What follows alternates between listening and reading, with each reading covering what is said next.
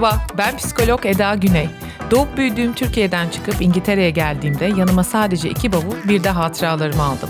Kuralları bol bir ülkede gevşemeyi hepten unuttuğum ve kot pantolonumun fermuarının dibine kadar sıkıştığı işte o kaotik günde annemin şu cümlesi bana çok iyi geldi.